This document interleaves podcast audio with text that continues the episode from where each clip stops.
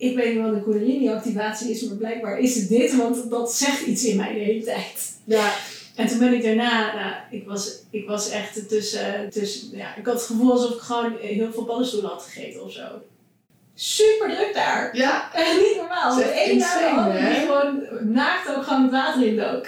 Echt zo briljant. Welkom bij de Isabelle Veteris podcast. De podcast voor mensen die al heel veel weten over persoonlijke ontwikkeling, maar even power nodig hebben om in actie te komen. Ik ben psycholoog en in de topsport een van de sterkste vrouwen ter wereld geworden. En samen met experts leer ik je binnen een uur hoe je stopt met uitstellen en met een topsportmentaliteit in actie komt.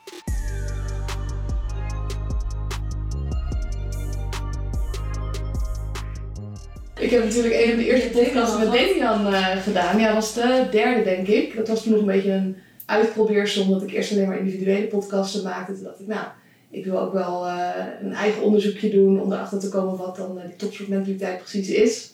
En toen zag ik jou in de podcast bij Jan. En toen dacht ik, ja, maar heb jij eigenlijk nog, nog nooit voor de podcast gevraagd? En meteen een berichtje gestuurd. Ja, Ja, ja, superleuk. ja. Waarom denk jij dat je gevraagd bent? Nou, ik wilde net zeggen, waarom heb je Ja. dan nu wel gevraagd? Ik denk dat het ook wel te maken heeft met hoe ik topsportmentaliteit zie en dat dat steeds meer veranderd is. En dat ik eerst, ehm, zeker in die periode, was ik wel aan de ene kant nieuwsgierig naar spiritualiteit en aan de andere kant dacht ik, ja, het is veel te zweverig, dat is helemaal niks voor mij. En nu dat dat wel steeds meer komt. Dus ik denk ook in die tijd dat ik veel meer resoneerde met Damian. En nu eh, dat ik eigenlijk meer contact heb met jou dan eh, met hem. ja, dan ben ik denk ik ook wel Weg van de topsportmentaliteit of is de topsportmentaliteit dan een andere definitie? Ja, ik denk dat de definitie is aangescherpt. Dus aan de ene kant keihard kunnen werken als het moet. En aan de andere kant ook gewoon lekker de rust nemen en, en ontspannen en luisteren naar je gevoel en je intuïtie. En ik heb allebei de kanten van de medaille wel gezien. Aan de ene kant ook in de tijd dat ik hier natuurlijk eh, nou, woonde, veel was. Keihard beuken van eh, s ochtends vroeg tot s avonds laat. eh, veel sales binnenhalen. En nu dat ik dat wel op een andere manier ben gaan doen. Ja. En ook eh, steeds meer zie je, dat vind ik ook wel grappig, de mensen die ik dan vraag voor mijn interviews. Ik heb Sander Aarts laatst gesproken. Die is dan ook veel meer bezig met plantmedicijn en spiritualiteit. Dus zonder dat ik dat weet, trek ik die mensen ook wel weer aan voor de podcast. Oh, wat grappig. Ja, Het is, ik, ik ging er meteen op doordenken, want dan denk ik topsportmentaliteit. Ja, wat, wat is dat nou eigenlijk? Want je kan niet eindeloos doorbeuken. Dat is gewoon in het mensenleven. Nee. Het slaat nergens op, zeg maar. En ik, ik heb het gevoel dat we in de wereld ook een beetje qua mentaliteit aan het veranderen zijn. Dat we nu inzien van ja, dat ongebreidelde, keiharde werken, gas geven, alleen maar grijpen wat je, Druk. pakken wat je pakken kan, Ja. grijpen wat je grijpen kan, succesladder steeds hoger leggen. Dat we er eigenlijk achter komen van ja, wat brengt ons dat nou eigenlijk helemaal? Worden we daar nou echt blij van? ja en iedereen valt om. Ja. Je valt van die ladder, burn-outs eh, die stijgen, gelukscijfers die dalen. Dus dat is het ook niet. Die weg eh, naar Nee. geld, status en noem maar op. Nee. Nee. Mooi. Leuk. Ja. Leuk om dat dan te horen over jouw proces ook. Ja, Want het was wel, jij, jij vroeg net van ja, waarom denk je dat ik je heb gevraagd? Ik dacht ook meteen van ja, vertel jij het maar.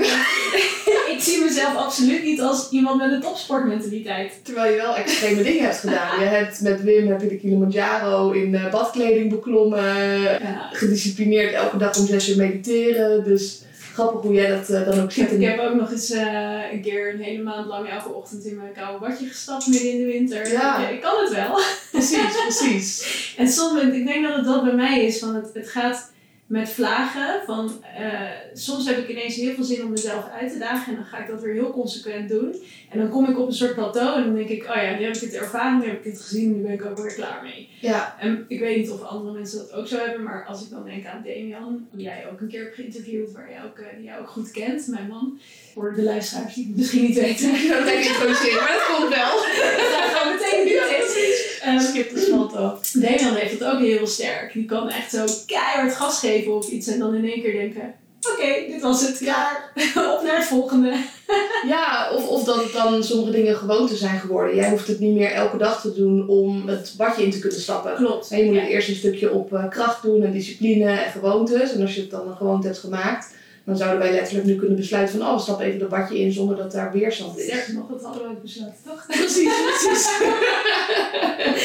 nee, dat is waar. Ja. Absoluut. Ja, en, en soms merk ik ook wel dat dan die aandacht bij mezelf een beetje verslapt hoor. Dat ik in één keer denk van, oeh, die drempel naar dat bad is wel heel groot geworden. En dan moet ik zelf ook alweer dingen bedenken om daar toch weer in, in beweging te komen. Maar wat ik wel weet is, ja, ik weet wat het me oplevert. Dus ik weet ook waar ik het voor doe. Dus nu, nu kan ik in ieder geval die drempel ook wel over als die er weer is. Het is niet, daar heb ik geen, geen routine meer voor nodig. Nee, precies. Je hebt dat al gevoeld en ervaren. Ja. Dus dat eh, is een heel ander verhaal. Ja, ja. Ja. absoluut. Leuk. Ja, je, en nog even een korte introductie voor de mensen die het luisteren natuurlijk. Eh, vertel, wie ben je? Wie ben je? Ja. Geladen vraag ook altijd. Ja, het is maar net weer geïnterpreteerd, maar... eh, Ja, is, ja, nou, ik, voor mij is het inderdaad geladen vraag. Het is wel grappig. Want ik heb echt jarenlang, als je die vraag aan mij stelde, dat ik gewoon in tranen uitbarstte omdat ik het antwoord op die vraag niet wist. Dat ik echt dacht, wie ben ik? Geen idee. Hoe durf je me dit te vragen? Ja. Dan raakte ik echt helemaal in de stress. En eh, nou, heel verdrietig ook, omdat ik het heel pijnlijk vond dat ik het antwoord op die vraag niet wist. en, en je vond ook waarschijnlijk dat je het moest weten. Ja, dat dacht ik absoluut. Dat dat zou worden. Dat Ja. je dan ook, en dan vooral ook dat je dan komt met een soort hele standaard omschrijving van... Oké, ik heb dit als werk en... Dit is mijn leeftijd en dit is ja, eh, wat ik heb ik eh, inderdaad van alles in mijn leven verzameld als eh, mooie vocalen en eh, toffe gadgets. Ja, en daar hang ik mijn identiteit aan op. Precies. Ja, Eh, maar de grap is, ik heb misschien ergens ook altijd wel gevoeld dat dat nergens op sloeg of zo. Alleen, ik kon dat niet uitleggen in een wereld waarin dat heel belangrijk was. ja, Dus ik dacht dat ik gek was. ja, heel simpel. Als iedereen anders denkt dan jij, dan ga je het vaak toch bij jezelf zoeken. ja. Klopt ik dan niet helemaal. Ehm, en nu, ja, als je het nu vraagt, dan ga ik dus ook een hele workaround verzinnen, omdat ik het dus ook heel raar vind om mezelf te definiëren aan de hand van, ja, aan wat dan? Ja, Ja, ik, ik, ga ja, mijn eigenschappen definiëren? denk ik gewoon. Als mensen vragen wie is Isabel, dan zou ik niet als eerste zeggen, oh, tenzij het voor business is, dan vertel je Ja, natuurlijk elevator eh, Precies. Ja. precies. Nu schud ik dat zo uit mijn mouw. Maar eerder gewoon de dingen die belangrijk voor mij zijn. Dus Ja. dat ik sportief ben is, is een onderdeel van mijn leven. Dat ik creatief ben. Ja, zorgzaam, waar we het net al eventjes over hadden. Dat zegt veel meer over mij, denk ik, dan gouden medailles of opleidingen of banen die, eh, die ik helemaal niet heb gehad. Want ik heb helemaal niet zoveel gewerkt. eh in welk iets in mijn leven, maar dat maakt ook niet uit. Dus Nee. dat, dat, ja, zo zie ik dat weer. Van eh, wie ben je? Ja. Ja. Wie ben ik? Nou ja.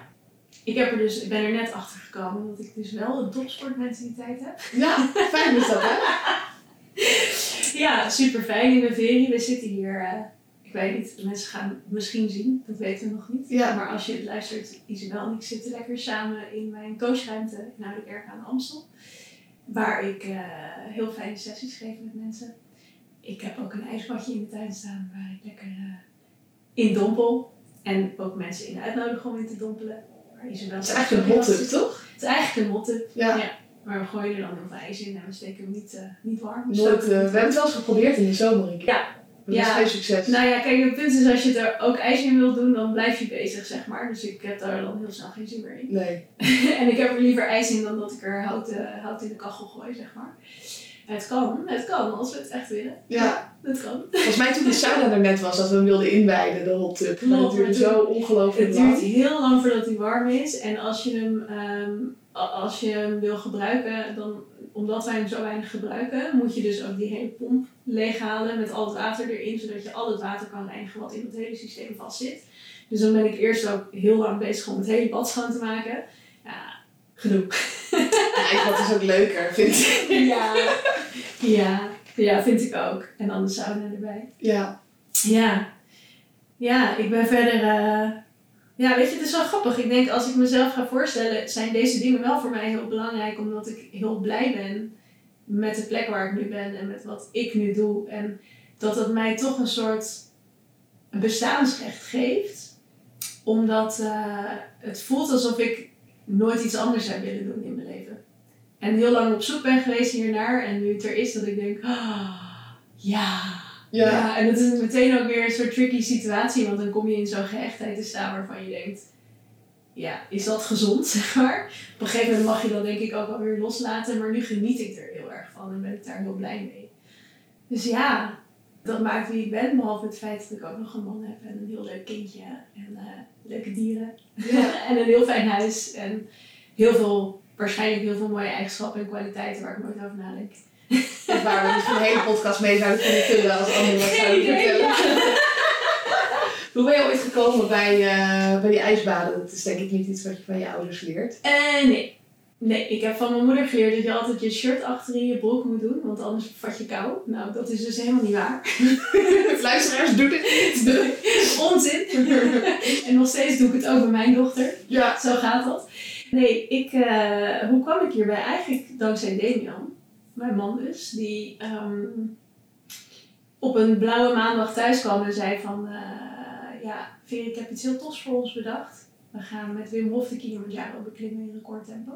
Hoe kom je daar nou weer bij? Hij had Wim ergens voorbij zien komen, volgde hem al een tijdje. Het was echt, het was, ik denk in 2015, toen echt Wim nog een beetje te boek stond als een soort gekkie. Of een circusartiest benaderbaar of was. kwakzalver. En inderdaad nog vrij makkelijk, gemakkelijk benaderbaar was als hij dingen organiseerde. Dus altijd niet meteen stappen vol en we aan het geen 300 les tegelijk, maar gewoon kleine groepjes. Ja. En Damian, ja, die vond dat soort mensen denk ik ook heel fascinerend. Wel Mensen tot die het extreme, hè? ja, de extreme en ook mensen die, die een beetje eh, onconventioneel zijn, die gewoon onaangepast zijn misschien zelfs, die dingen doen puur vanuit een soort innerlijke overtuiging van ja, dit is wat ik wil doen en hier durf ik voor te gaan staan, zelfs als niemand anders het ermee eens is of mij compleet voor idioot eh, uitmaakt. En hij, ja, hij, hij gaat daar goed op. Hij gaat ook gewoon goed op mensen die, die, die schaamteloos zichzelf durven zijn en durven staan voor waar zij voor staan. Dat maakt denk ik dat onze groep ook zo goed werkt. Dat iedereen zo compleet verschillend is. Ja, maar iedereen durft daarin 100% voor zichzelf te staan. Ja, absoluut. Ja. ja, ja, dat denk ik ook.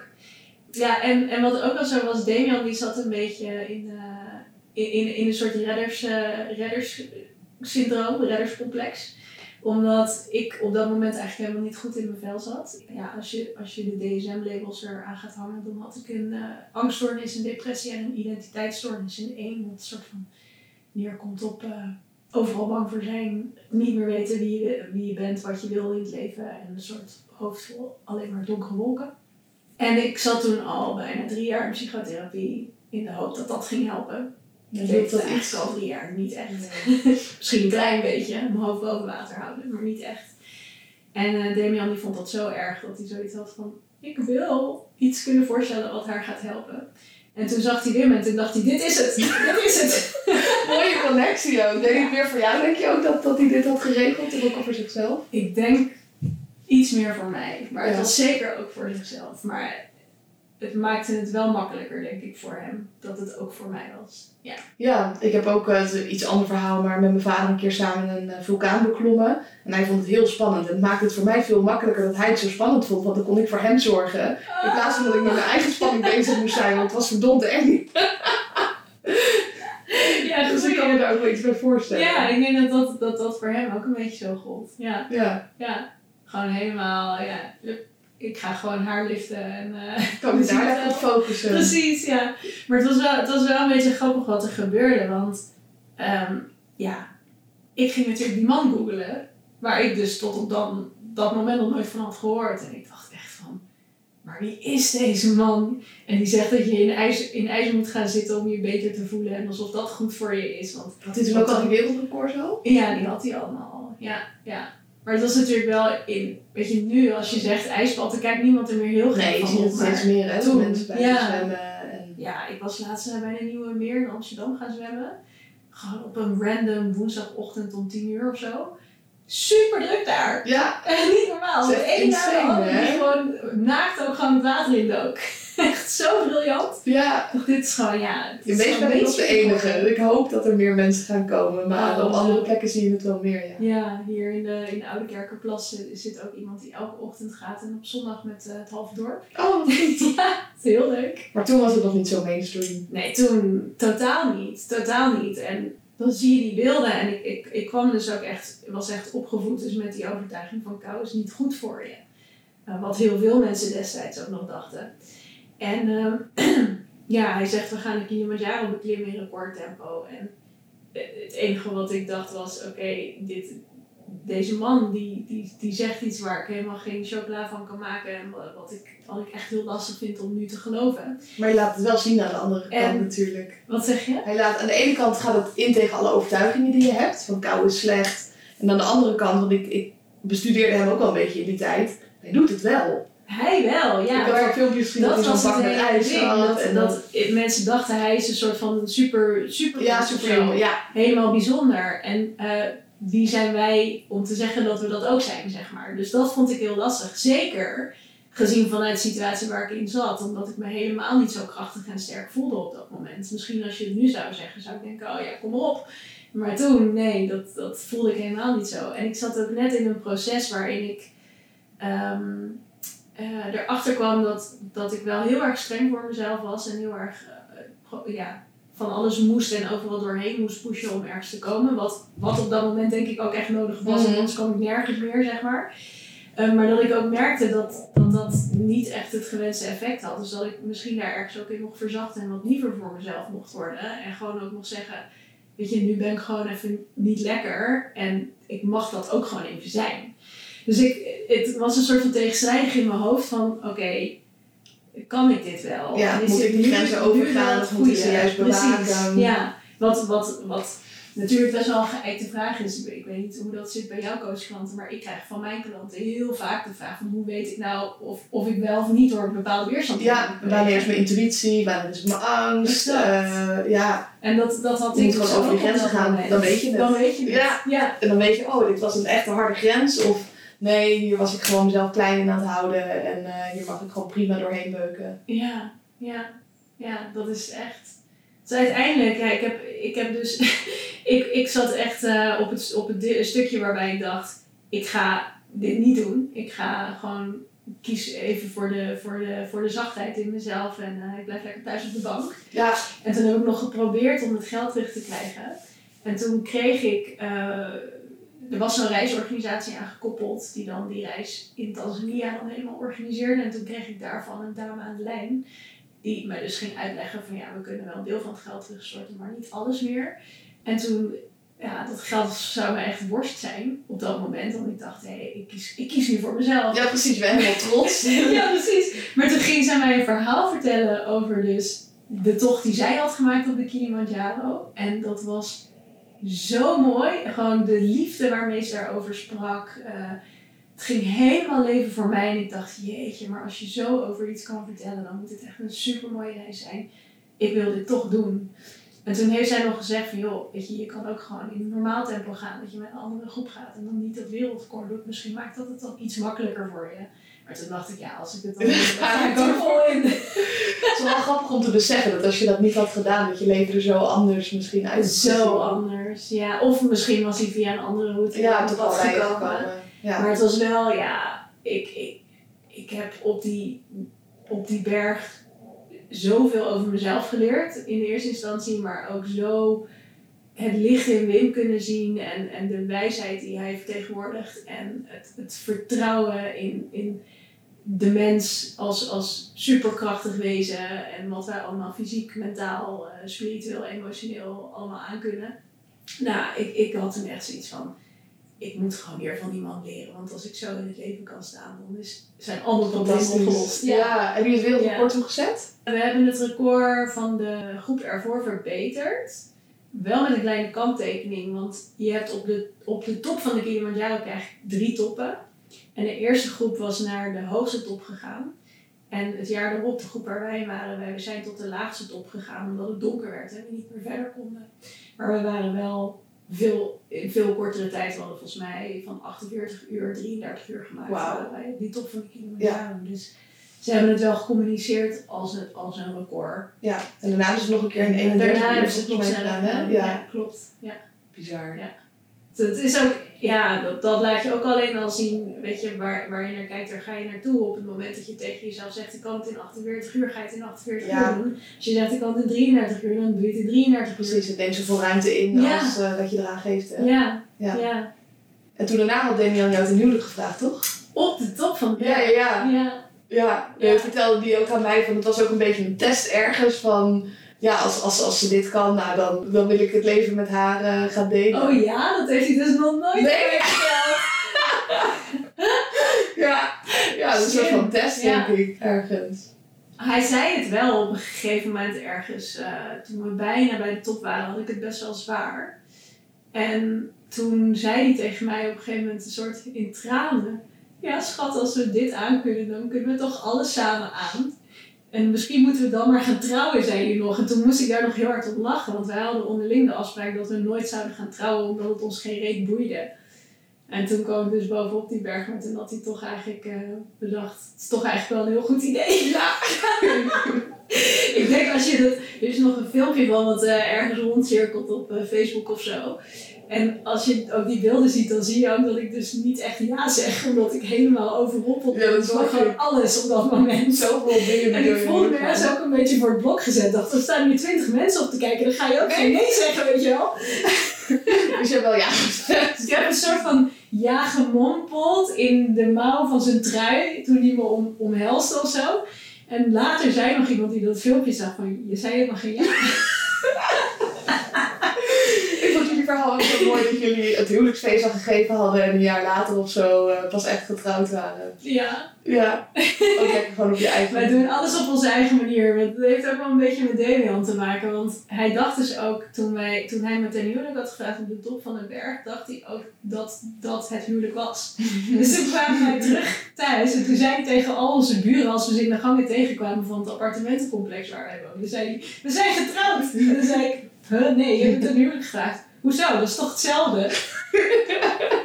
Dus dan moest jij gaan uitleggen hoe Dus dat ik moest het uitleggen, nou, daar begreep hij niks van. Dat kan gewoon niet in zijn brein. Hij denkt echt regels, wat? Ja, ja, precies. Ik Conventies, hoezo?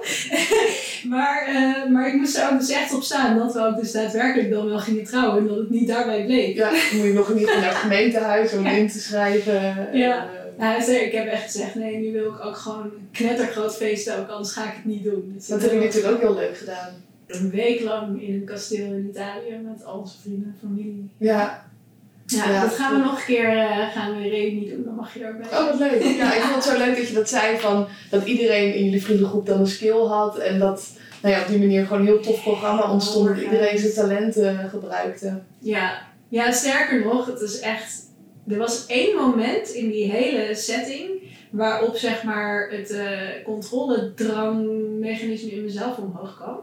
En dat had ik vroeger heel erg, omdat ja, ik was, ik was zo bang om dingen los te laten, omdat ik dan dacht dat het helemaal in de soep liep. Omdat ik zelf gewoon geen stevige, stabiele ondergrond had in, mezelf, zeg maar. Ja, dan heb je die controle ook Dan heb nodig. je die controle nodig, ja. En ik, ik heb dat, ik had echt vroeger ook als uh, puber had ik echt dwangbureaus. Dus dat ik alles gewoon duizend keer telde en zo. En de laatste 20.000 keer dicht deed en elke stap moest tellen die ik zette. Nou, dat is gelukkig vanzelf is dat er een beetje uitgegaan. Daar heb ik niet uh, heel actief iets op hoeven doen of zo. Ja, misschien als je inderdaad meer vertrouwen krijgt, uh, dat je het niet meer nodig hebt. Ik denk dat het zo is gegaan. Ik denk dat het uiteindelijk, toen ik op mezelf ging wonen, uh, toen ik ging studeren, dat het toen op is gehouden. Omdat ik toen op mijn eigen benen moest staan en ook bleek te kunnen staan.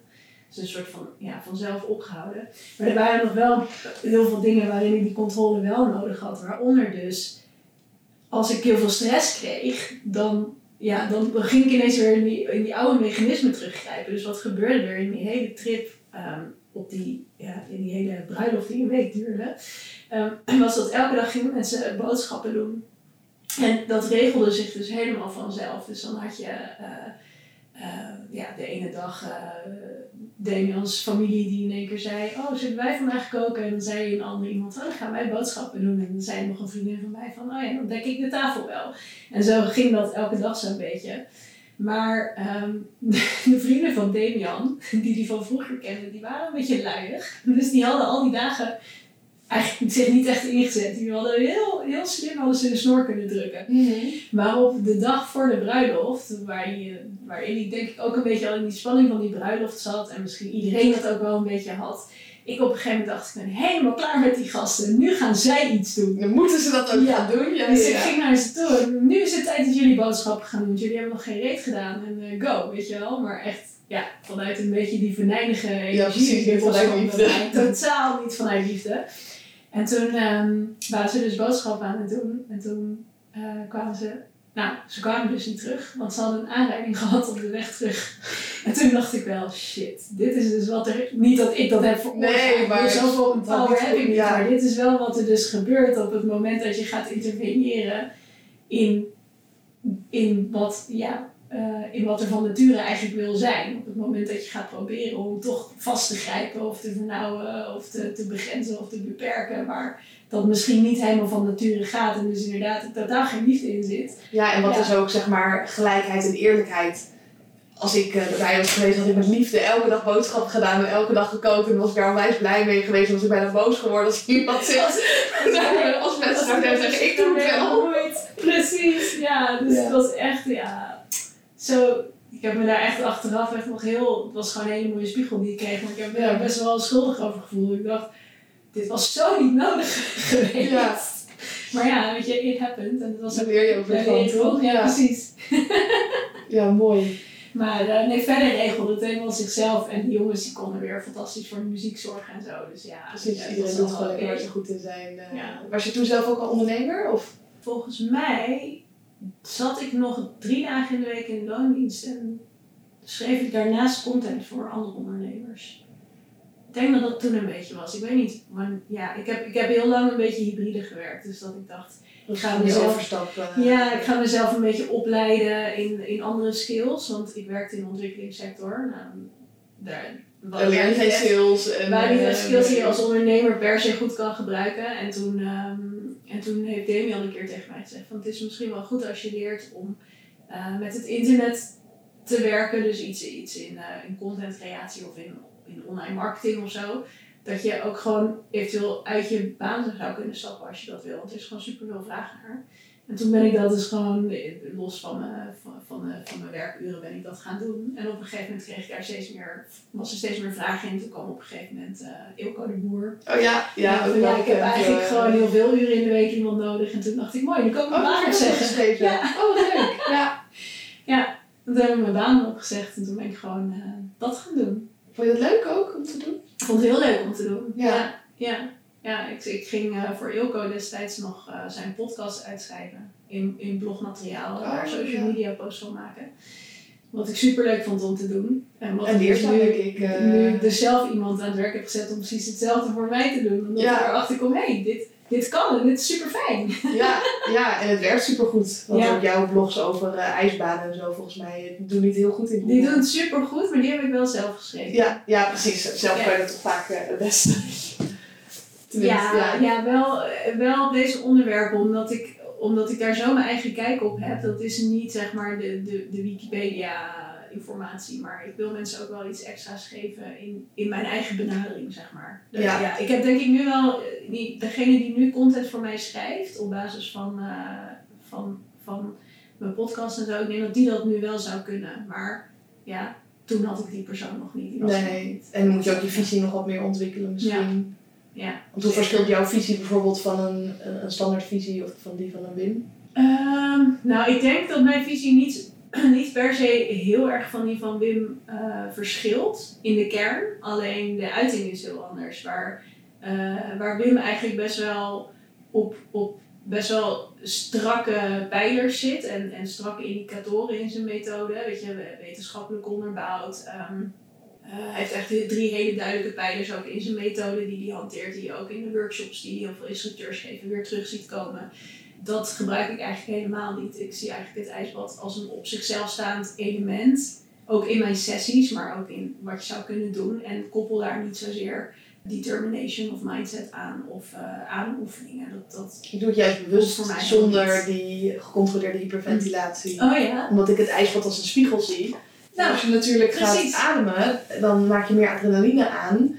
eh, gaat je pijngrens omhoog en dan voel je het minder. Terwijl ik wil juist dat mensen aanwezig zijn in het moment. En ga die pijn maar even lekker voelen. Mooi. En ga er maar doorheen en, Ja. en zie maar wat je tegenkomt. Dus je verdooft het ook ergens, vind ik, als je die ademhalingsoefeningen Ja. doet.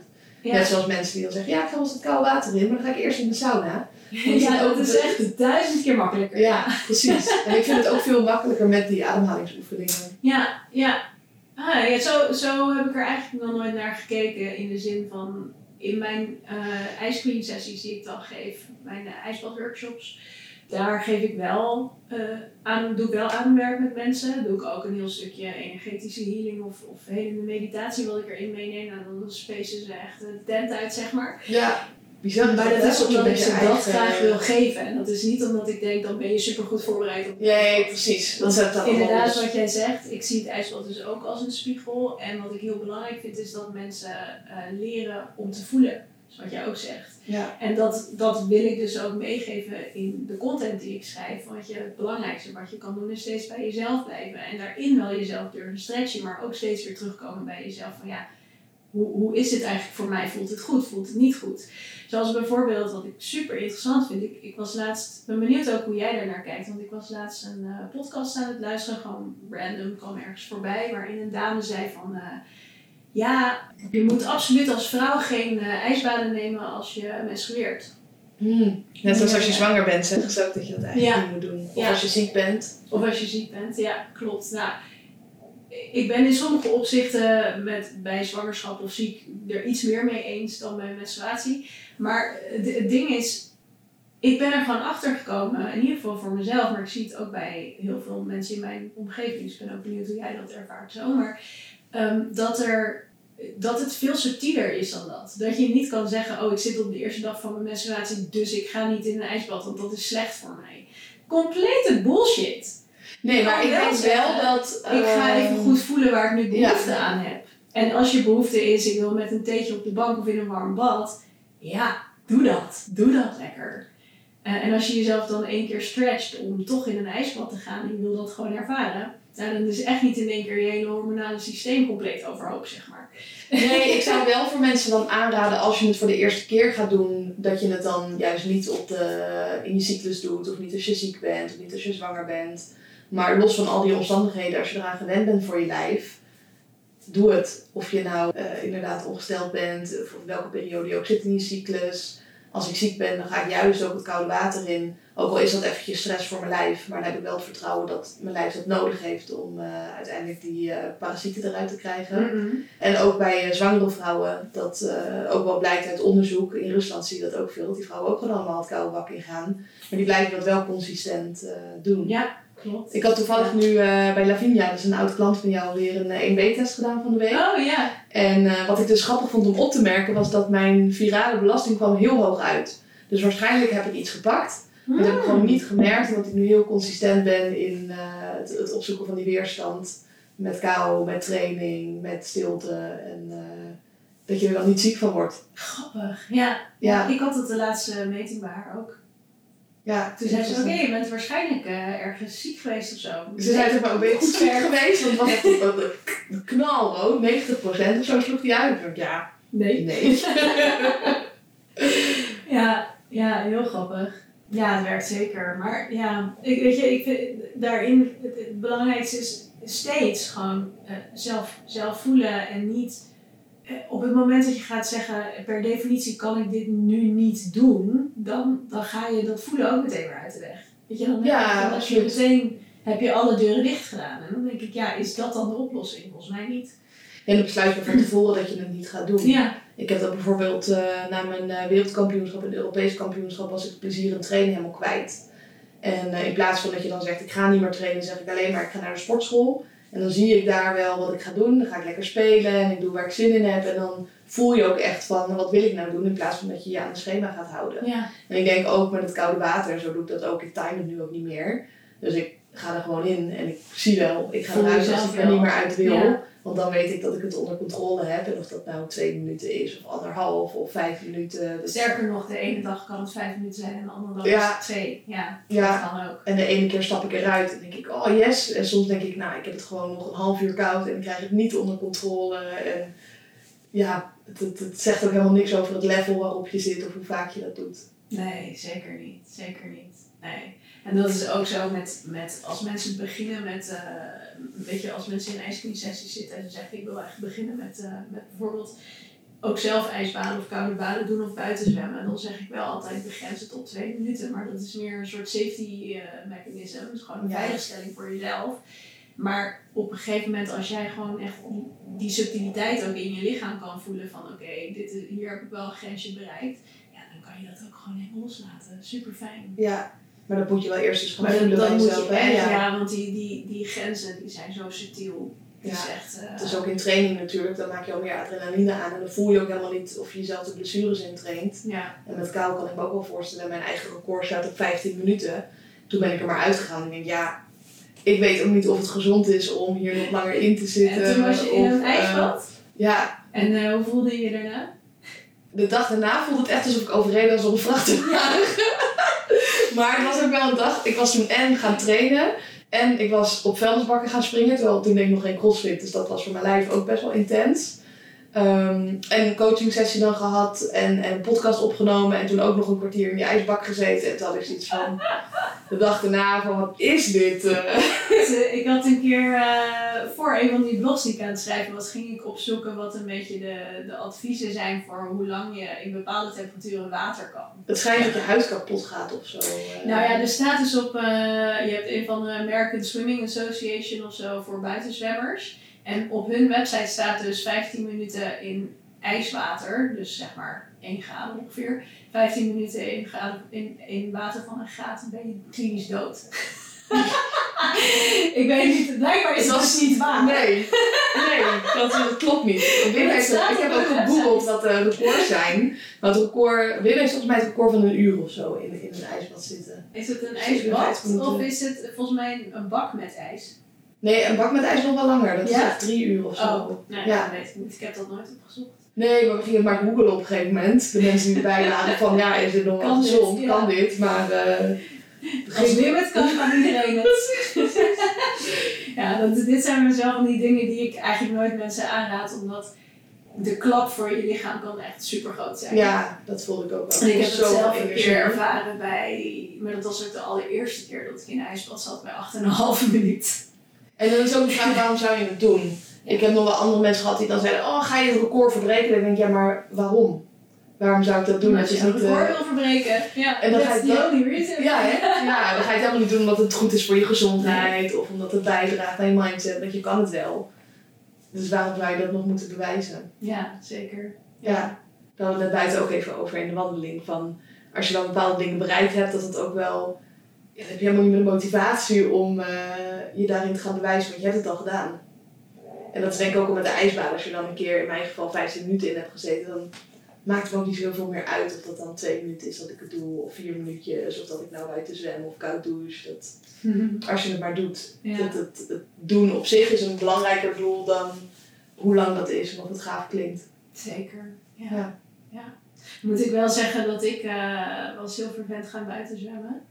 Ik had helemaal gedacht, oké, ik ga het nu gewoon echt goed doen. Drie keer per week. Zet gewoon een datum. Ik heb ook zo'n telegram groep met allemaal mensen die het leuk vinden om eh, buiten te dippen. Ik had gewoon die data vastgepind van, oké, ja, elke woensdag dan de, die tijd, elke vrijdag die tijd, et cetera. Ik ben er drie keer per week sowieso.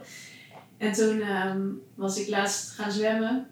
En toen kwam ik thuis en het is heel grappig, want ik heb ook zo'n soort met mezelf afgesproken van als ik, eh, als ik buiten heb gezwommen, dan wil ik uit mezelf opwarmen. Dat is dan mijn uitdaging, om gewoon mijn lichaam aan het werk te laten. Ja, dat je niet direct de sauna werken. instapt Precies. of gaat drinken. Ja, dus ik dacht, oké, dat ga ik weer doen. Maar ik liep in huis en ik dacht alleen maar, ik weet niet waarom, maar mijn hele lichaam schreeuwt dat ik onder de warme douche moet gaan.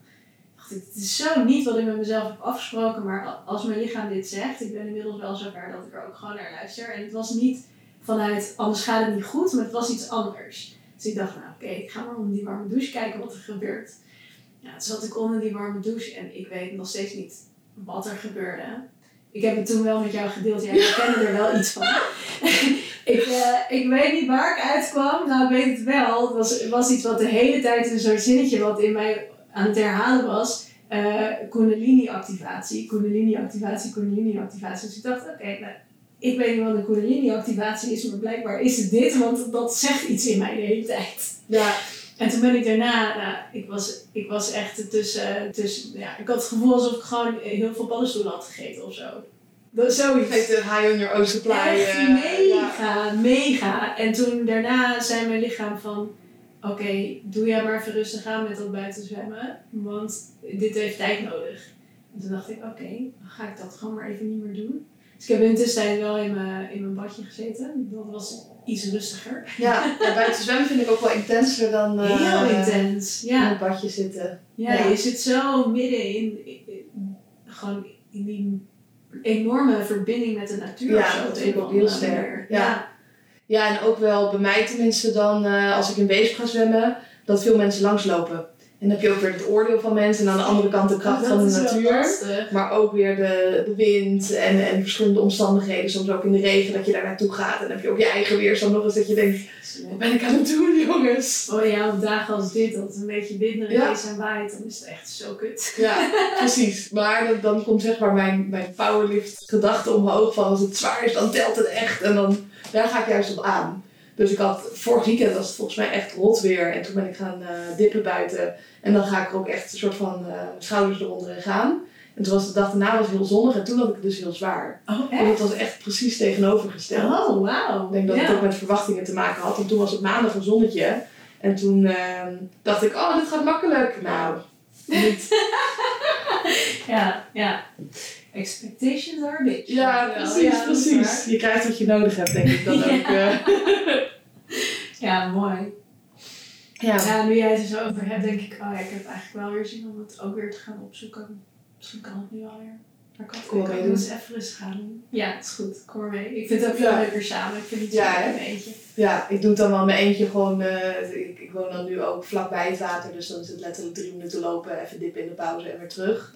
Maar samen is eh, zo anders. Ben je bij de Nieuwe Meer wel eens geweest? Nee. Dat is, dat is echt gaaf. Er, ligt gewoon een vlonder midden in de Nieuwe Meer. Dus je loopt die vlonder op. Oh, En die vlonder meet ook de waterkwaliteit en zo. Dus je kan gewoon via een website zien hoe de kwaliteit van het water is, hoe koud het water is, et cetera. Ehm, en dan kan je vanaf die vlonder meteen het water induiken. En dan ben je dus ook gewoon los van de grond. Dus je moet echt zwemmen of vasthouden. Ja, Ja, het is fantastisch. En er zijn dus echt hardcore buitenzwemmers daar. Die wat goed. echt met, met, een- met een eh stopwatch 7,5 minuut gewoon baantjes aan het trekken zijn. Ik heb nog ingeschreven voor het Nederlands kampioenschap ijszwemmen dit jaar, maar die was vanwege de maatregelen afgelast. Die oh, zou in de volgend jaar zijn. Ja, dus ik moet er nog voor gaan trainen. Dus dat zou- hoe werkt dat dan? Ja, iedereen mag zich gewoon inschrijven. Ja, Dus maar wat je, is dan de challenge? je moet een kilometer volgens mij zwemmen. En dat is dan eh, in water onder de 5 graden. Wauw. En veel oude mensen doen daar Hoe dus lang ben je bezig met een kilometer zwemmen? Een kwartiertje of zo. Oh, dat is echt wel pittig. Ja, Ja. 10 minuten. Ligt wel. Ja, ze gaan ook echt eh, hardcore met mutsen, brillen op. eh ze doen niet eh, per se schoolslag, maar ook Mag, mag je dan wel handschoentjes en eh, dingen aan je voeten? Weet ik niet. Dat zou echt Dat zou schelen, hè? Ja. Ja. ja. Ah, ah, interessant. Ja, Hmm. daar werd ik op getipt. Toen dacht ik, oh, dit is wel leuk als, eh, als uitdaging. is Helemaal met spierziekte. Ja, Dat, eh, dat je dan laat zien van, eh, nou ja, de doktoren die kunnen zeggen wat ze willen, maar het kan nog steeds. ik win gewoon een Nederlands kampioenschap ijszwemmen. Ja. Dan zou ik ook wat zwemlessen daarvoor gaan volgen om echt goede techniek Oh, te hebben en zo. Dat lijkt me echt cool. Heel leuk. Ja, Cool. ja. Ik weet nog wel dat toen we net hier gingen trainen met Damian, die had toen bedacht dat ik kampioen kogelstoten ging worden. Weet je dat nog? Had die kettlebells had hij gepakt en toen gingen we die gooien buiten ergens in het gras. Maar ik was er ook helemaal niet goed in. Ik weet Toen gingen we zoeken waar ik dan eh, nog een keer kampioen in zou gaan worden. Ja, Nou, en ook met Joy dat we aan het brainstormen waren van eh, waar gaat eh, Joy kampioen in worden en waar gaat oudste kampioen in Joy, echt, Damian wil iedereen een kampioen maken. Ja. ja. ja.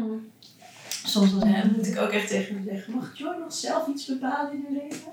Ja, als ze dingen van de lol doen. Ja, precies. ja, cool. Maar ijszwemmen, ik, eh, ik ga je aanmoedigen. Ik sta aan Leuk. hand. Leuk. Ja, ik vind met Damian ook mooi hoe jullie dat samen doen met die dynamiek van mannelijke en vrouwelijke energie. Dat, eh, ik vind, jij bent zeg maar heel vrouwelijk en Damian is in de energie weer heel mannelijk. En daarom match je denk ik ook zo goed. Ja, we zijn wel een beetje ex extreme misschien ook bij elkaar. Ja, Ja, ja. maar jullie komen vaak ook wel weer daarna naar elkaar toe. Zeker, ja, ja. Dus we zijn, we zijn daarin ook elkaar spiegels. Dat is altijd wel mooi, want Damian die kan best wel hard zijn soms. En in het verleden was ik ook hard voor mezelf. Dus kon ik daar gewoon heel makkelijk in meegaan. En raakte ik daardoor volledig van mijn kern verwijderd. Maar dat had ik helemaal niet door. Ehm, gaf ik echt gewoon hele stukken van mezelf weg daarin.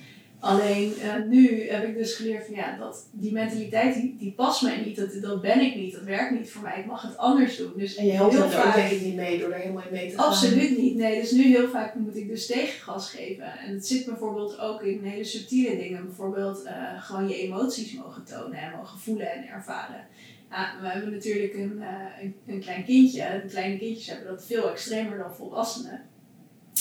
En Damian heeft heel snel zoiets van, ja, maar Joy kan alles, zei Joy. Joy kan alles, weet je wel. en dan moet ik heel soms, zie ik haar in situatie, dan moet ik echt tegen hem zeggen van, je moet echt even wat voorzichtiger aandoen, want dit is best wel stressvol voor haar. Zeg maar. Het is best wel een groot iets, zeg maar. Ze heeft hier iets meer begeleiding in nodig. En dan is zijn eerste reactie is dan, ja, onzin. Ze is super sterk. Dat is super natuurlijk. en dan echt, dan, dan, dan denk ik, nou oké, ik ben het gewoon niet met je eens, maar prima, ik laat het los, ik echt dat gevecht niet aan. Dan denk ik, zoek het maar uit.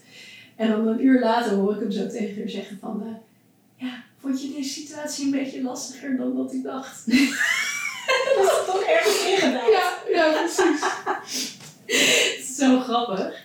En ik denk dat dat ook wel de goede balans is, ook voor, voor zo'n kindje. Want als ze helemaal in mijn energie zou worden opgevoed, dan wordt het echt zo slapjanus. Mm Terwijl... En met Damian, dan gaat ze alleen maar knallen aan de beuk. Ja, overal dwars doorheen. Dus ik hoop dat zij een beetje een gezonde balans meekrijgt ja. hond. Ja, precies. gaat zien. Ja, ik, moest, ik vond dat voor mijzelf ook heel leerzaam om dat bij jullie te zien. Want ik kom uit een gezin waarin juist alles een beetje weggemoffeld werd. Want het moest altijd maar leuk en gezellig zijn.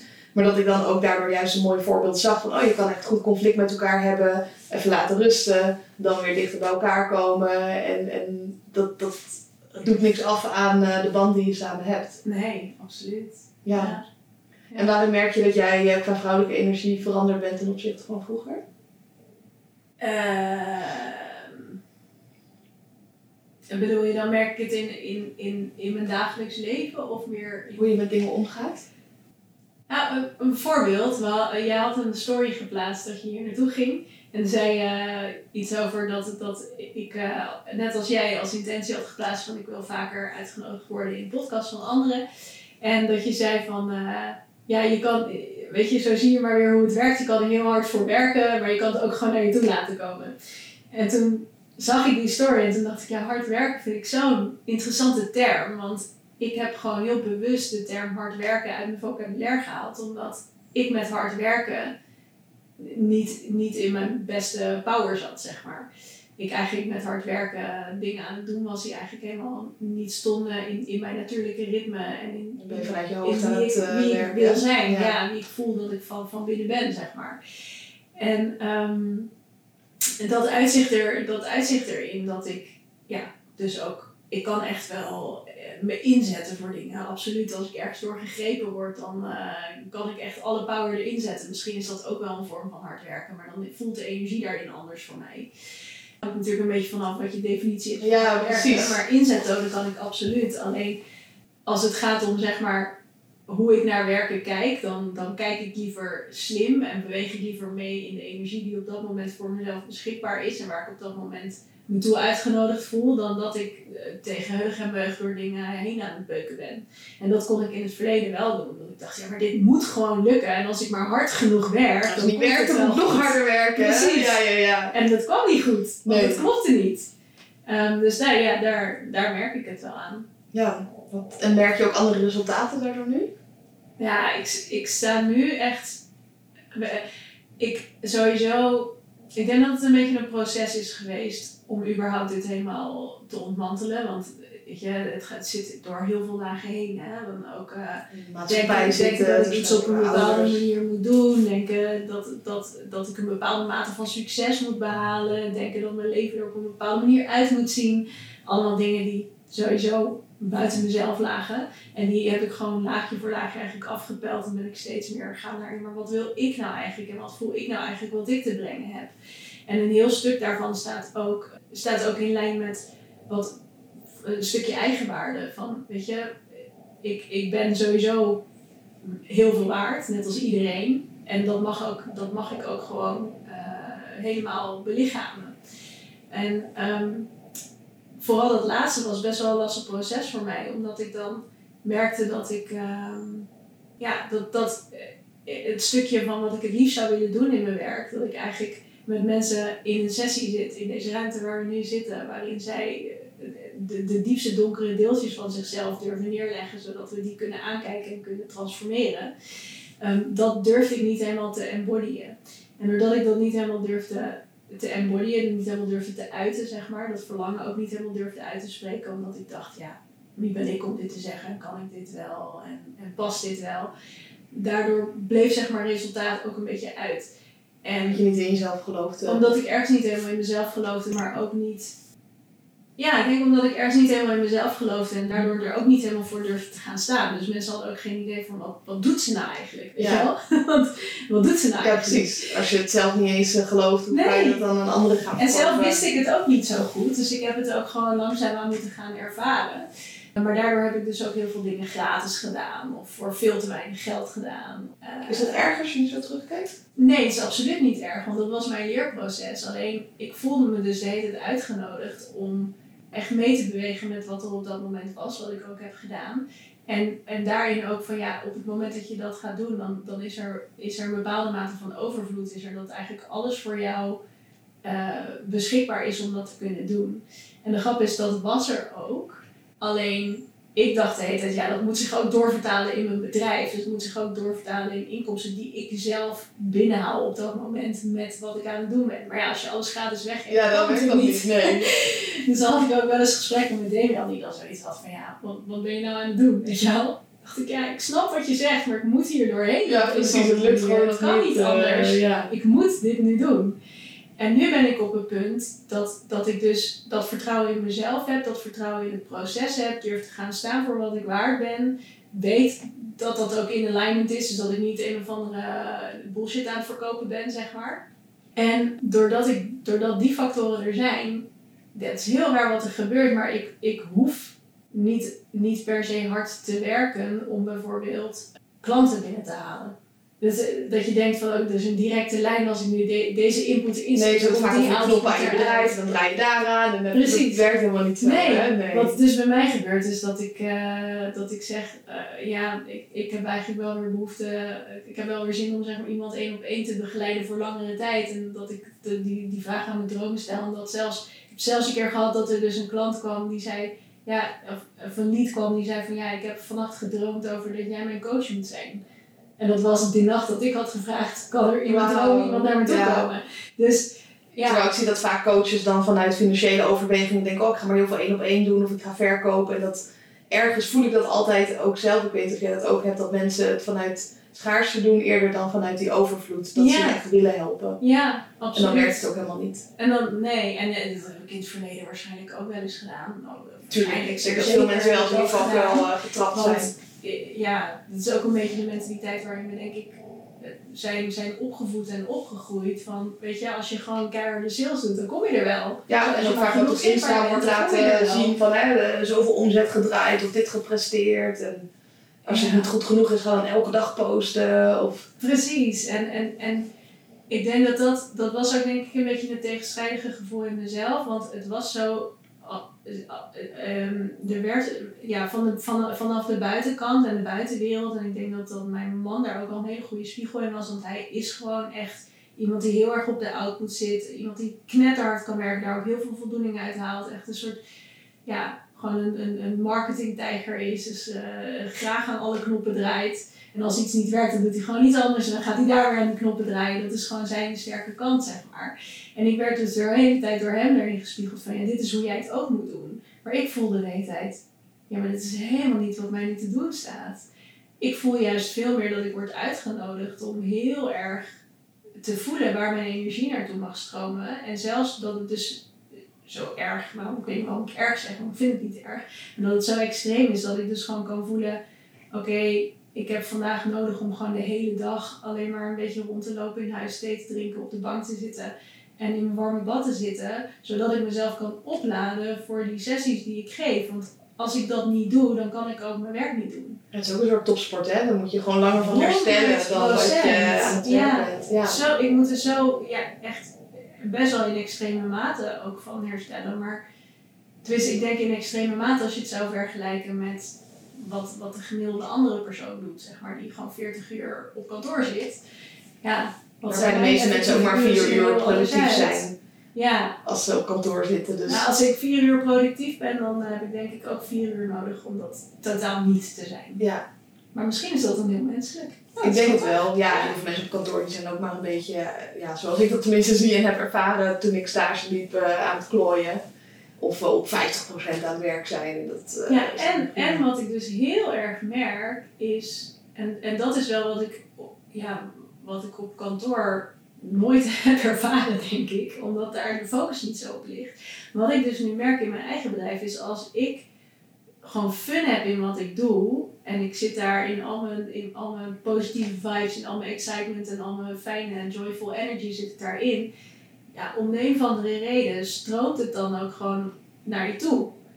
Dat is gewoon hoe het werkt. Dan, dan hoef je niet eens te denken van ja, ik moet, eh, ik moet nu deze actie doen om dit voor elkaar te krijgen. En dan komt het in één keer op een andere, andere manier op je pad of zo. En voor mij voelt het ook heel erg dat dat een soort nieuwe manier van werken is die, die we veel meer mogen leren met z'n allen. Waar we ook in de wereld voor staan van hé, hey, zo kan het ook. En dat is dat stukje vrouwelijke energie wat je, er, wat je erin mee kan nemen.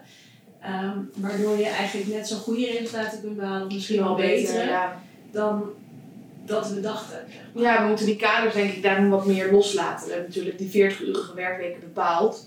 En in sommige beroepen is dat super praktisch. Als je, eh, ik noem maar wat vakvult bij de Albert Heijn. Maar in bepaalde Ja. beroepen helemaal niet. Als ik bijvoorbeeld kijk naar eh, mijn vader is rechter. Nou, leuk dat er 40 uur staat, maar die gaat ook rondjes lopen en erover nadenken en mijmeren. Ja, hoeveel uur staat er dan voor je werk? En telt opladen dan ook als werk. En Het, maar het, ding is, eh, eh, oorspronkelijk waarschijnlijk niet in de definitie die we van werk hadden, niet. Maar het is, hij, hij zou zijn werk ook niet kunnen doen als hij het niet zou doen. Absoluut dus het niet. moet wel. nee, ik heb een keer een interview anders. gelezen met een muzikus. En die schreef eh, echt voor tv-programma's schreef hij dan de tunes. Dat deed hij in een kwartier. En de andere tijd was hij allemaal bezig met erover nadenken. En dan zei hij ook, ja, ik ga niet zeggen dat ik dat in een kwartier doe natuurlijk. Nee. Ik zeg dat ik hier een week mee bezig ben geweest. Maar het is allemaal ja. onderdeel van het Ja, proces. ja, ja. En dan denken we, ja, maar dan ga ik je toch alleen maar voor een kwartier betalen. Want je hebt toch maar een kwartier fysiek met een tafel en een pen en papier eh, gezeten. Maar dat is natuurlijk eh, alleen het zichtbare. ja. Ja. ja. En aan de andere kant is er wel, wat ik wel vanuit school heb meegekregen, is je moet doen wat je leuk vindt. Eh, en aan de andere kant moet je wel een papiertje halen. En eh, Je moet doen wat je leuk vindt, maar wel binnen deze kaders. ja, Ja. ja, precies. En op deze manier. Ja, ik, ik wist bijvoorbeeld, ik wist wel dat ondernemen een ding was, maar dat was zo ver van mijn bedshow en daar leer je helemaal niks over op eh, de basisschool of de middelbare school of ook niet op de unie. Ik deed dan een master Economic and Consumer Psychology. En toen begon ik ook met het opzetten van mijn eigen bedrijf. En als ik dat aan mijn medestudenten vertelde, die, nee joh, die snapten er helemaal niks van. Die liepen dan stage en hoopten ze dat ze daar mochten werken. Misschien als ze 40 waren dat ze wel een eigen bedrijf opzetten als ze genoeg ervaring hadden opgedaan. Maar nu wil ja, nu, ze wilden eerst die ervaring. Het zat niet binnen, binnen de mogelijkheden dat ze dat meteen zouden gaan Nee, doen. dat ze daar goed Maar in jij, waren. jij bent daarin ook echt wel, denk ik, een hele grote uitzondering op de regel. En Ja. met jou zijn er zeker ook Ja, ik krijg wel vaak dat mensen zeggen, oh je bent echt jong voor eh, jong begonnen, jong voor Ja. ondernemer. Ehm, Maar ik vind dat altijd wel cool hoor, want ik, ik heb altijd gedacht als ik het toen begreep, dan was ik nu al zoveel verder geweest. ja, ik vind dus ook dat ik laat begonnen ben. Dat ik denk, waarom ben ik pas zo laat bij Mindset begonnen? Had ik dat nou maar gewoon op mijn twaalfde of zo gehad, dat ik zoveel shit niet eh doorgehoeven. Ja, ja. Ja, het is wel leuk om te Ja, zien ja. dat ehm, mijn oudere zus die begint nu een beetje met het proces. Mijn zusje die heb ik een beetje vorig jaar erin meegenomen. En eh, dat die dan een beetje ook door hetzelfde proces gaan als ik. En sommige mensen die beginnen pas op hun dertigste of veertigste of misschien soms nog ouder. En nu is mijn zusje ook haar eigen bedrijf begonnen. Dus dat is wel, dat voelde ik al, maar dat ik kan het niet uitspreken. Want dan krijg je een soort self-fulfilling prophecy. Dus ik moet het gewoon laten ontstaan, op mijn handen zitten en niks zeggen. En nu kwam ze dan laatst, eh, niet letterlijk naar me toe, want ze zit in Mexico, maar me belde. Toen zei ze, ja Is, wil jij me helpen met mijn bedrijf?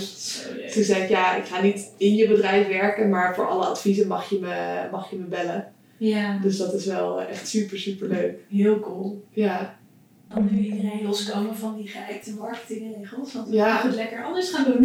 zeker. Ja, alle dingen die we hebben geleerd vanuit de boekjes, dat, eh, nee, ik ben dat ook steeds meer overboord aan het gooien.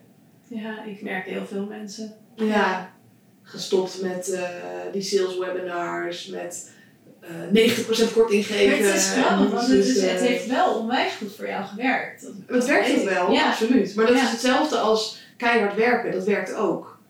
Alleen je bouwt er geen duurzame business eh, op. Omdat mensen dan de overtuiging hebben van je moet gewoon die Isabel kopen, want je betaalt nooit de goede prijs ervoor. Je moet wachten tot de korting. Ah. Of tenminste, dat is. En je bouwt. Kijk, je, je vertelt net een verhaal van een ideale klant. Die bereid was bij jou om het dubbele ook te betalen. Dus je ideale klanten, de, de, de, de prijs maakt niet uit. En als je mensen op die manier moet overtuigen, dan denk ik ook niet dat het je Dat zijn klanten zijn. klanten. Nee. Ja, ja, absoluut. En soms hebben wel mensen een duwtje in de goede richting nodig, maar dat doe ik dan liever op een andere manier. Snap ik. Ja, nee, dus daar ben ik helemaal mee gestopt. Prijs is gewoon prijs. En eh, ik geef wel dingen dan bijvoorbeeld erbij. Dus ik had op mijn verjaardag een actie dat als je dan een boek bestelde, dan kreeg je een journal erbij en een planner erbij. Maar dan zeg ik niet, oh ik ben 27 geworden en dan krijg je 27% korting. ik zie dat er wel eens in de mailtjes voorbij komen dat ik ook denk van ja, dat is zo niet meer eh, mijn ding. Maar het- ergens, eh, zeker in het begin van mijn onderneming, deed ik ook veel na wat anderen deden. En het werkte wel. Ja, Dan ben je gewoon een beetje aan het afkijken en aan het testen. maar je kan, je kan met modelleren kan je zo ver komen, want het heeft niet voor niks bij een ander Tuurlijk. Het kan ook bij jou werken, alleen als het, als het niet meer bij je past, Ja, dan niet bij je doelgroep past, denk ik. ja, dan op een gegeven moment gaat het gewoon schuren. Dan wordt het zwemmen door een bak met stroop. Ja, ja, gaat niet. ja, precies. Ja. Nee, dus dat, dat doe ik allemaal niet meer. Ja, gewoon lekker mijn eigen regels daarin bepalen. En ook al, eh, het ik heb wel dan, ja, ik wil niet zeggen ruzie, maar discussies met degene die bij marketing doen, want die zijn natuurlijk heel erg op de cijfers. En dan zeg ik, joh, schaal het budget maar op, ook al zijn de kosten per aanmelding heel hoog, dat maakt niet zo heel veel uit. Want er zijn alsnog mensen die de tijd nemen. Ik heb nu een eh, test. Dan kan je in twee minuten testen wat je topsportmentaliteit is. Maar dat is iets meer werk dan dat je bijvoorbeeld een e-book downloadt. Dus minder Mm. mensen doen dat, dus dan betaal je wat meer. En ik heb zoiets, ja, dat maakt niet uit, want iedereen die die test heeft gedaan, die vind ik heel waardevol. Of je daar nou 2 euro per lied voor moet betalen, of 3 euro of 5 euro. Ik wil graag die, die mensen hebben daarin. Ja, ja. Ehm, en, en in het begin helemaal, dan keek ze heel erg van oké, zoveel euro per aanmelding. Oh, hoeveel eh, sales heb je dan binnengehaald? Hoeveel mensen hebben een boek gekocht? Of je eh, andere producten gekocht? Oh, we draaien een negatieve ROAS. Help, wat moeten we gaan doen? Terwijl ze zat, ja, boeien, die mensen gaan vanzelf wel bij mij terechtkomen.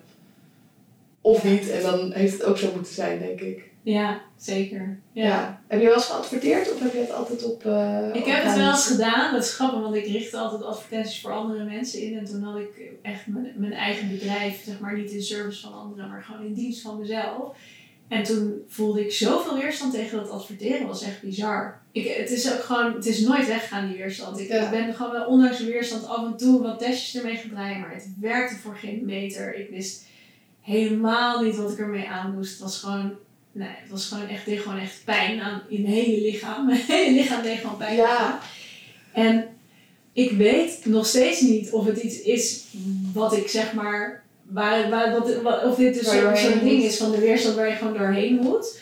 Misschien kom ik namelijk op een punt waarvan ik voel. Nu, nu past het wel, nu kan het wel. Maar het was gewoon niet het middel wat ik op dat moment moest gebruiken, denk ik, omdat ik het aan de achterkant ook niet helemaal kon invullen. Nee, dan loopt het ook niet. Nee, ja, dan kan het lopen, maar dan kunnen mensen nergens naartoe. Dus dat heeft geen zin.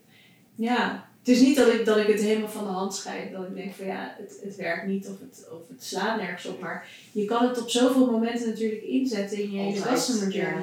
Want eh, weet je, kan ook alleen advertenties draaien op mensen die je al volgen bijvoorbeeld. Precies. Of, Ik, ik, ik vind het wel bijvoorbeeld nu wat voor mij het meest interessant is, is om bijvoorbeeld advertenties te draaien op mijn mailinglist, want die is behoorlijk warm. ja, En of mensen die mijn stories bekijken of zo. Weet je, dat koud werkt voor mij ook helemaal niet. Nee, dat ga ik echt niet meer doen. Dat voelt Zo onpersoonlijk ook. Ja. En nee, dat zie ik dan ook En dan zie ik advertenties ook niet als mensen binnenhalen, maar meer als, als onderdeel van, van het proces waarin mensen af en toe weer even met je in aanraking komen, even Ja. herinnerd bent dat je er bent. Dat je uiteindelijk leidt dat bij de juiste mensen ook gewoon tot een sale, maar dan is de energie erin is heel anders. Dat Ja, dat het- ook. ja. Dan heb je, dan heb je mensen, mensen die echt die jouw ideale klant zijn, die brengen natuurlijk een heel andere energie met zich mee dan op het moment dat ze eigenlijk wel een beetje met hun tenen zo het Maar water hebben gevoeld, maar eh, eigenlijk niet echt wilden, weet je wel? Het voelde mij soms en daarom zit ik niet meer op Instagram in de zin van ik heb iedereen ontvolgd. Ik kijk geen stories meer alsof je, weet of je dat wel eens hebt gehad, dat je in Spanje dan over de Ramblas loopt en overal staan die mannetjes die willen dat je bij ze komt eten. En dan staan ze die menukaart onder je neus te douwen. Nou, zo voelde op een gegeven moment het voor mij als ik dan door mijn feed aan het scrollen was. Dat om de Ja. drie dingen kwam er weer een advertentie met koop dit, schrijf je hiervoor in. 100%. Ehm, ja. dat, dat, dat voelde heel erg bij mij in ieder geval van het schaarste. Ja, ja, ja, klopt. Zo, ja, dat is een interessante... Je kijkt toch niet of interessante- je, je moet eerst eigenlijk vragen bij mensen, heb je honger? Ja. Ja. Ja. Oh, heb je honger? Oh, eh, nou, waar heb je zin in? Oh, Ja. nou, toevallig hebben wij dat hier in de winkel liggen. Loop anders even mee naar binnen. Ja. In plaats van dat je dat zo bij iemand door de strot houdt. Ja, en ik heb het idee dat, dat bij sommige advertenties het echt zo eh doorheen wordt gedrukt. Ja. ja, absoluut. Dat denk ik ook. Ja, ik vind het wel een leuke, ik vind het een leuke gedachtesprong om te denken, kan je, kan je adverteren vanuit liefde? Ik ad- adverteer nu ik wel de ik- koude Ik kan op nu mijn zien blog dat ik kan en adverteren podcast. vanuit liefde. Ja. Leuk, daar ga ik even wat voor inrichten. Dankjewel. Leuk. ja. Ja, Ja, en dan heb je ook geen dingen nodig als korting of dat soort zaken. Dat, eh, als je mensen echt wil helpen, denk ik, dan ja eh, zeker. komt het ook wel weer terug in, eh, in alles. Ja, ik, deed, ik weet nog, dat moest ik vanmiddag aan denken dat toen ik mijn ijscream sessies in het begin gaf, kreeg ik elke keer mijn ijscream sessies helemaal vol, om, omdat ik dan zei, volgende keer gaat de prijs omhoog. Ja, en nu ben ik daar volledig mee gestopt, omdat ik denk, ja, de prijs is gewoon wat de prijs is en het is 100% waard, dus mensen die willen, die komen wel. En dat werkt dus ook. klopt. En dan soms misschien één iemand minder dan, dan de volle capaciteit, maar dat vind ik oké. dan de volgende keer wel Ja, weer, precies. Ja. Ja. Nee, en je moet ook voor de prijs staan. Op een gegeven moment als je je prijs een keer 10 zou gaan doen om die reden. Nee, maar op een gegeven moment houdt het ook ja, op natuurlijk. Dan denk je, ja, ik heb hem nu 30 euro voor weer 30 euro, weer 30 euro, weer 30 hey, en nu? Waar ga ik naartoe? Ja, ja, precies. Slaat nergens op. Nee, en eh, ik heb nu wel toevallig eh, dit jaar dan de prijs van de Mindset Bootcamp eh, verhoogd. Eh, maar daar wil ik geen winst op maken. Dus in plaats van dat ik dan nu nog de prijs meer ga verhogen of, of, of, of kortingen ga geven, ga ik gewoon meer waarde geven. Ja. Dat is ook wel leuk, daar zal ik wel even foto's van laten zien. Als je het leuk vindt, neem ik ook eentje voor je mee. Is een eh, planner om je doelen op te schrijven. En die is op whiteboard eh, vel, dus die kan je plakken op de muur. Dan kan je zo je doelen afkruisen elke dag. En aan het einde van de maand kan je gewoon alles weer weghalen. En dan kan je Die ik. weer afkruisen. Ja, super chill. Oh, dan neem ik Ja. die voor je mee. Ik heb, ben hem nu zelf aan het testen en die geef ik nu dus ook bij de bootcamp erbij. Oh, leuk. Maar ik ben er helemaal fan van. Ik denk, oh, dit is echt geniaal. Ja, want al die, die boekjes en papieren en Zo dat werkt voor mij niet. Nee, voor mij ook Ik niet. vul dan ook echt drie weken wat in en dan heel lang niet. En dan denk ik, oh, ik heb die planner nog. En dan ga ik weer naartoe terug. En dan ondertussen is dat hele ding vernacheld. Ja, precies. Ja, dus die heb ik nu laten maken. En eh, die, nou, dat, dat soort eh, dingen doe ik er dan bij. Of stel dat ik nu nog zou zeggen, ook ik ga de prijs keer twee doen. Dan krijgen ze bij wijze van spreken een hele fruitmand nog mee naar huis. Nice. Of iets in die richting om eh, echt waarde te kunnen geven. Omdat het- ik vind het ook belangrijk om eh, te staan voor je prijs. En ik vind dat sommige coaches daarin ook maar eh, constant opstaan en. Ik denk, Zeker. ja, voor mijn gevoel past dat niet bij de waarde die Nee, ervoor dat is, dat is bij mij ook in de Ice sessies. Ik ben, sinds ik begon ben ik echt wel flink in prijs omhoog gegaan. Maar bijvoorbeeld nu heb ik ook gewoon een professionele fotograaf die van iedereen een foto Ja. Nou, precies. dan krijg je niet één foto, maar gewoon acht fucking mooie foto's. Ja, ja, ja. Dus Dus je, kan je nog Op andere terugkijken. manieren gaat die waarde eh, dus ja, erin zitten. Ja. Ja, dat doe ik op mijn event ook. Dan eh, laat ik altijd een fotograaf en een videograaf komen. Dus ook op mijn event maak ik 0 euro eh, winst. Maar gewoon alles. eh, en dan ga ik naar de groothandel en haal ik allemaal fruit. En Ja. eh, eh, leuke sprekers regel ik dan. goodie bags. En dan draai ik zelfs verlies vaak. Oh, wow. Maar ja. gewoon om waarde te kunnen geven. Ja. En ik heb dan ook wel het vertrouwen van het komt wel. Ja. ja, tof. Ja, Heel tof. gewoon geen rotte appels ertussen Ik moest, ik moest net nog even denken, want je had het over die doelen. Toen dacht ik, dit is eigenlijk wel interessant. En Jij, jij, jij bent natuurlijk helemaal de doelen. En het meetbaar maken. even mee te maken. En wat er dus bij mij altijd gebeurt, want als ik doelen opschrijf, of eigenlijk, ik, ik ben dus ook een beetje gestopt met doelen opschrijven, omdat ik er heel vaak achter kom dat dus mijn energie een andere richting in wil bewegen dan ik van tevoren denk. En dan kan ik niks waarmaken van wat ik had bedacht, maar wel hele andere hele toffe dingen. En aan de ene kant werkt dat voor me, maar soms laat ik daardoor ook wel belangrijke dingen liggen die wel gedaan Ja, die dus die dingen schrijf ik op. Dus ik wil Dus elke wat ik dag nu doe inderdaad is dat ik gewoon actiepunten opschrijf. Van Ja. oké, dit wil ik wel op zijn minst gedaan hebben. En als ik dat heb gedaan, dan kan ik de rest van de tijd gewoon Lekker flowen, ja. Maar is dat ook, is dat, is dat ook werken met doelen? Tuurlijk. Als jij zegt van, ik heb bijvoorbeeld nu bij mijn doelen staan, ik wil elke dag eh 10 minuten lezen. En wat het dan is, dat maakt eigenlijk niet zoveel uit. En als ik 10 minuten heb gelezen, dan mag ik daarna, als ik denk, ik had gisteren zo'n momentje, toen had ik op mijn doelenlijst staan van, ik ga 10 minuten lezen, maar ik wil ook heel graag zingen. Ik heb nu zo'n grote karaoke box gekocht, Oh, maar nice. buren zijn heel erg dankbaar. Oh. En een microfoon. En dan ga ik in die karaoke dingen zingen via YouTube. en toen dacht ik, ik heb ook zoveel zin om dat te doen. Toen dacht ik, ja, maar ik heb dat doel gesteld om te lezen. En dat wil ik ook heel graag halen. Toen dacht ik, ga ik eerst 10 minuten lezen. En dan ga ik daarna zingen. En dan ben ik toch blij dat ik wel heb gelezen. Dus Dat zo maak ik dan wel mijn ja. eh, kleine doelen. Of dat ik zeg, ik wil Ja. Vijf keer in de week posten op Instagram. Of ik wil vier keer in de week, of vijf keer in de week heb ik gezet, wil ik trainen. En daarbuitenom eh kan je gewoon helemaal losgaan. Maar ik weet dat als ik die kaders heb, dat ik daar goed op ga. Ja, Als ik Ja. alleen maar werk in een bepaalde week omdat het goed voelt, dan ben ik daarna weer helemaal leeg. En dan ga ik weer heel weinig werken. En dan ben je de hele tijd aan het zigzaggen. ja, Terwijl die kaders wel helpen om Ja. eh, wat meer constant eh, stroom te hebben. Ja, ja dat, dat geloof ik 100%. Dat zou voor mij ook heel goed werken. Ja, en de doelen waar ik bewust mee werk zijn die 1% stapjes. Dus gewoon dat het bijna geen moeite kost. Dus ik zeg niet dat ik dan een boek per week wil lezen. Die trend heb je natuurlijk ook. Maar gewoon 10 minuutjes. Ja. En dan mag het altijd langer zijn, maar dan heb je in ieder geval het doel gehaald. Ja. Of dat ik elke dag in ieder geval eventjes 15 minuten buiten ga lopen. En dan loop ik meestal langer dan 15 minuten. Maar dan voorkom je dat je bijvoorbeeld op bepaalde weekenddagen de hele dag binnen zit. En eh, geen eh, buitenlucht eh, hebt en geen zonlicht ziet. Ja, Dus ik zal die volgende keer... Ja, leuk. Ja. ja vind ik cool. Nou, zullen wij lekker gaan dippen? Ja, laten we dat doen. Top!